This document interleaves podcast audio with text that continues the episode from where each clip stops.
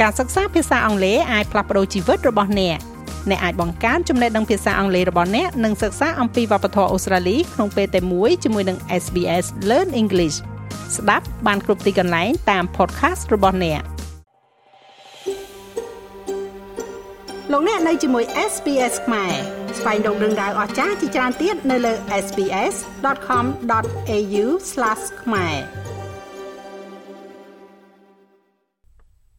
សប្តាហ៍នៃការប្រារព្ធពិធីនិងការទទួលស្គាល់ប្រវត្តិសាស្ត្រនិងសមិទ្ធផលរបស់ជនជាតិដើមភាគតិច Aboriginal ដែលហៅកាត់ថា Naidok Week ចាប់ផ្ដើមពីថ្ងៃអាទិត្យទី2ខែកក្កដារហូតដល់ថ្ងៃអាទិត្យទី9ខែកក្កដាឆ្នាំ2023នេះ Naidok ត្រូវបានគេប្រារព្ធធ្វើឡើងជារៀងរាល់ឆ្នាំនៅដើមខែកក្កដា គឺជាឱកាសដ៏ល្អសម្រាប់ប្រជាជនអូស្ត្រាលីទាំងអស់ដើម្បីស្វែងយល់អំពីប្រជាជនដើមដំបូងរបស់ប្រទេសអូស្ត្រាលីការប្រារព្ធពិធីណៃដកបានចាប់ផ្ដើមជារៀងរាល់ឆ្នាំជាមួយនឹងរាត្រីនៃការប្រកាសរង្វាន់កាលពីយប់ថ្ងៃសៅរ៍ឆ្នាំនេះអ្នកឈ្នះពានរង្វាន់ Night Dog Week ត្រូវបានជ្រើសរើសពីក្នុងចំណោមបេក្ខជនចំនួន200នាក់មកពីទូទាំងប្រទេស។ អ្នកឈ្នះកន្លងមករួមមានតារាវាយកូនបាល់ Tennis Ash Barty និងតារាសម្ដែង Uncle Jack Charles មួយសប្តាហ៍បន្ទាប់មក គេនឹងបន្តជាមួយនឹងការអបអរសាទរពិធីបុណ្យការតាំងពិព័រណ៍និងការប្រគំតន្ត្រីទូទាំងប្រទេសប្រធានបទនៅឆ្នាំនេះគឺ For Our Elders សម្រាប់ចាស់ព្រឹទ្ធាចារ្យរបស់យើងនៅក្នុងវប្បធម៌ជនជាតិដើមភាគតិចមនុស្សចាស់ទុំមានសារៈសំខាន់ខ្លាំងណាស់ ពួកគេគឺជាអ្នកដែលមានចំណេះដឹងវប្បធម៌ជាគ្រូបង្រៀននិងការបំផុសគំនិត Aunty Dr. Lynette Riley គឺជាស្ត្រី Vidra Churi និង Gulmil Aroy លោកស្រីគឺជាសហប្រធានស្ដីទីនៃគណៈកម្មាធិការជាតិ NIDOC Our elders are our driving force ចាស់ទុំរបស់យើងគឺជាកម្លាំងជំរុញរបស់យើងវប្បធម៌សង្គមនិងសេដ្ឋកិច្ចពួកគេគឺជាអ្វីអ្វីគ្រប់យ៉ាងដូច្នេះសម្រាប់ខ្ញុំខ្ញុំកំពុងត្រូវបានជំរុញដោយអ្វីដែលចាស់ទុំរបស់យើងបានសុំឲ្យយើងធ្វើពីអតីតកាលអ្វីដែលពួកគេកំពុងសុំឲ្យយើងធ្វើនៅពេលនេះនិងកន្លែងដែលពួកគេចង់ឲ្យយើងទៅនៅថ្ងៃអនាគតជារៀងរាល់ឆ្នាំក៏មានការជ្រើសរើសរូបគំនូរជាក់លាក់មួយនៅក្នុងការប្រកួតប្រជែងផងដែរ។ អ្នកឈ្នះឆ្នាំនេះគឺ Bobby Lockyer ដែលជាវិចិត្រករញ៉ា Luma Kari Yara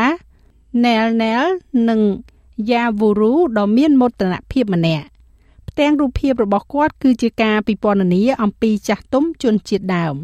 នៅពេលណែនាំការងាររបស់គាត់សម្រាប់ Night Dog អ្នកនាង Bobby និយាយថាវាគឺជាចាស់ទុំទាំងអស់ដែលបានបំផុសគំនិតនាង។ With this year's poster design I ជាមួយនឹងការរចនាផ្ទាំងរូបភាពនៅឆ្នាំនេះខ្ញុំពិតជាចង់លើកដំកើងចាស់ទុំទាំងអស់របស់យើងទិវាណៃដកបានចាប់ផ្ដើមជាថ្ងៃនៃការកាន់ទុកមុនពេលវាជាថ្ងៃប្រារព្ធពិធី វាត្រូវបានចាប់ផ្ដើមនៅក្នុងទសវត្សរ៍ឆ្នាំ1920ដោយក្រុមសកម្មជន2ក្រុមដែលបានធ្វើបាតកម្មប្រឆាំងនឹងទិវា Australia Day នៅថ្ងៃទី26ខែមករា រហូតដល់ទសវត្សរ៍ឆ្នាំ1940ទិវាកាន់ទុកនេះត្រូវបានប្រារព្ធឡើងនៅមុនទិវាអូស្ត្រាលីដេមួយថ្ងៃបន្ទាប់មកគេក៏បានផ្លាស់ប្ដូរទៅខែកក្កដាហើយឈ្មោះក៏ត្រូវបានផ្លាស់ប្ដូរផងដែរ Aunty Dr. Matilda House គឺជាចាស់ទុំ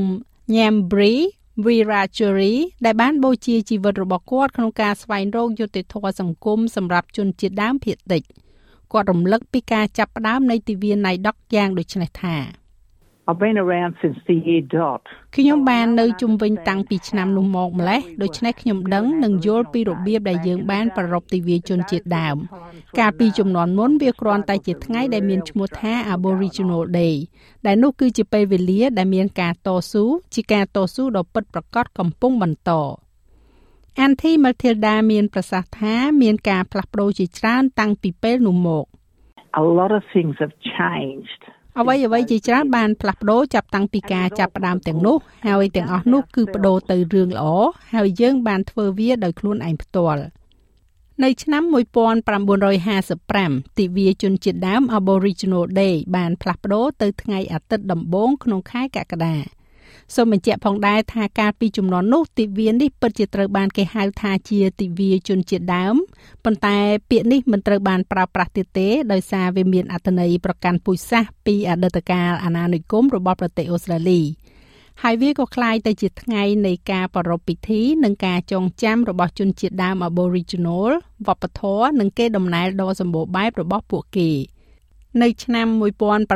1972នាយកដ្ឋានកិច្ចការជនជាតិដើមត្រូវបានបង្កើតឡើងដែលជាលទ្ធផលដ៏សំខាន់នៃប្រជាមតិឆ្នាំ1967ឥឡូវនេះមានតែប៉ុន្មានខែទៀតប៉ុណ្ណោះនឹងមានការធ្វើប្រជាមតិមួយទៀតលើកនេះគឺស្ដីអំពីសម្លេងជនជាតិដើមទៅកាន់សភាឬ Voice to Parliament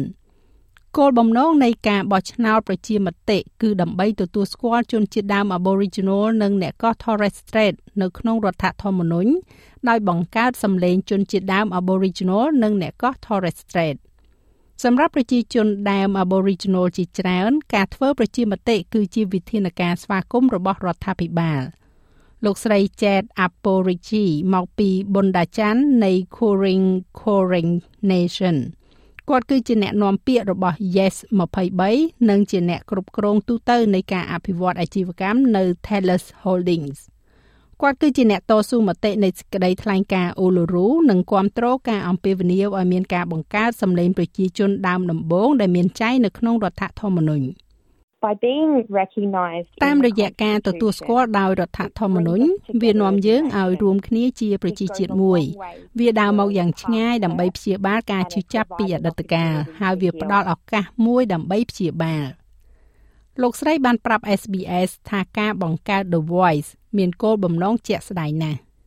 in terms of the practical application of the voice នៅក្នុងលក្ខខណ្ឌនៃការអនុវត្តជាក់ស្ដែងរបស់ The Voice វាសមហេតុផលប្រសិនបើយើងត្រូវបានគេស្ដាប់ឮអំពីអ្វីដែលសំខាន់សម្រាប់យើង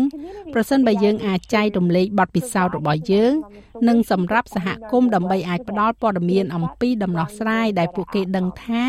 នឹងមានប្រយោជន៍សម្រាប់ពួកគេ អ្នកដឹងទេវានឹងនាំមកនៅលទ្ធផលកាន់តែប្រសើរ។ ទោះជាយ៉ាងណាក៏ដោយក៏មានសម្លេងនៅក្នុងសហគមន៍ជនជាតិដើម Aboriginal ដែលប្រឆាំងទៅនឹងការធ្វើប្រជាមតិនេះផងដែរលោក Niyongge Warren Mundin នៃប៊ុនចាឡុងនិងជាកូនចៅចំនួនក្រោយរបស់ប្រជាជន Yuing និង Gumberga គឺជាអ្នកជំនួញជាអ្នកយុទ្ធសាស្ត្រនយោបាយនិងជាអ្នកតស៊ូមតិសម្រាប់កិច្ចការជនជាតិដើមភាគតិចម្នាក់ my view on the voice to parliament is, is ទស្សនៈរបស់ខ្ញុំចំពោះសម្លេងទៅកាន់សភាគឺថាជាការខ្ជះខ្ជាយថវិកាទាំងស្រុង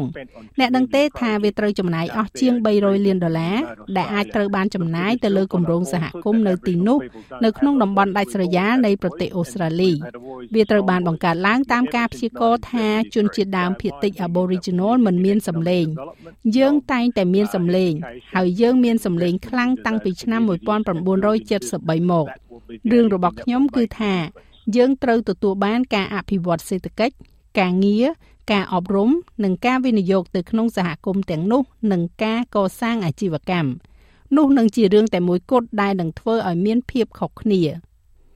តើអ្វីនឹងកើតឡើងជាមួយនឹង The Voice នៅមិនទាន់ដឹងនៅឡើយនោះទេនៅក្នុងពេលប្រហែលខែទៀត ប៉ុន្តែសប្តាហ៍ណៃដកនេះគឺជាពេលវេលាដើម្បីអបអរសាទរប្រវត្តិសាស្ត្រនិងការបង្ហាញនៃវប្បធម៌ដ៏ចំណាស់បំផុត ដែលនៅមានជីវិតរស់នៅលើផែនដីនេះចាស់ឲ្យរបាយការណ៍នេះចងក្រងឡើងដោយសាកាពេជូវ៉ា Carrie Lee Harding និង Lowana Grant សម្រាប់ NITV និងប្រាយសម្រួលសម្រាប់ការផ្សាយរបស់ SBS ខ្មែរដោយ នាងខ្ញុំហៃសុផារ៉ានី ចុច like share comment និង follow SBS ខ្មែរនៅលើ Facebook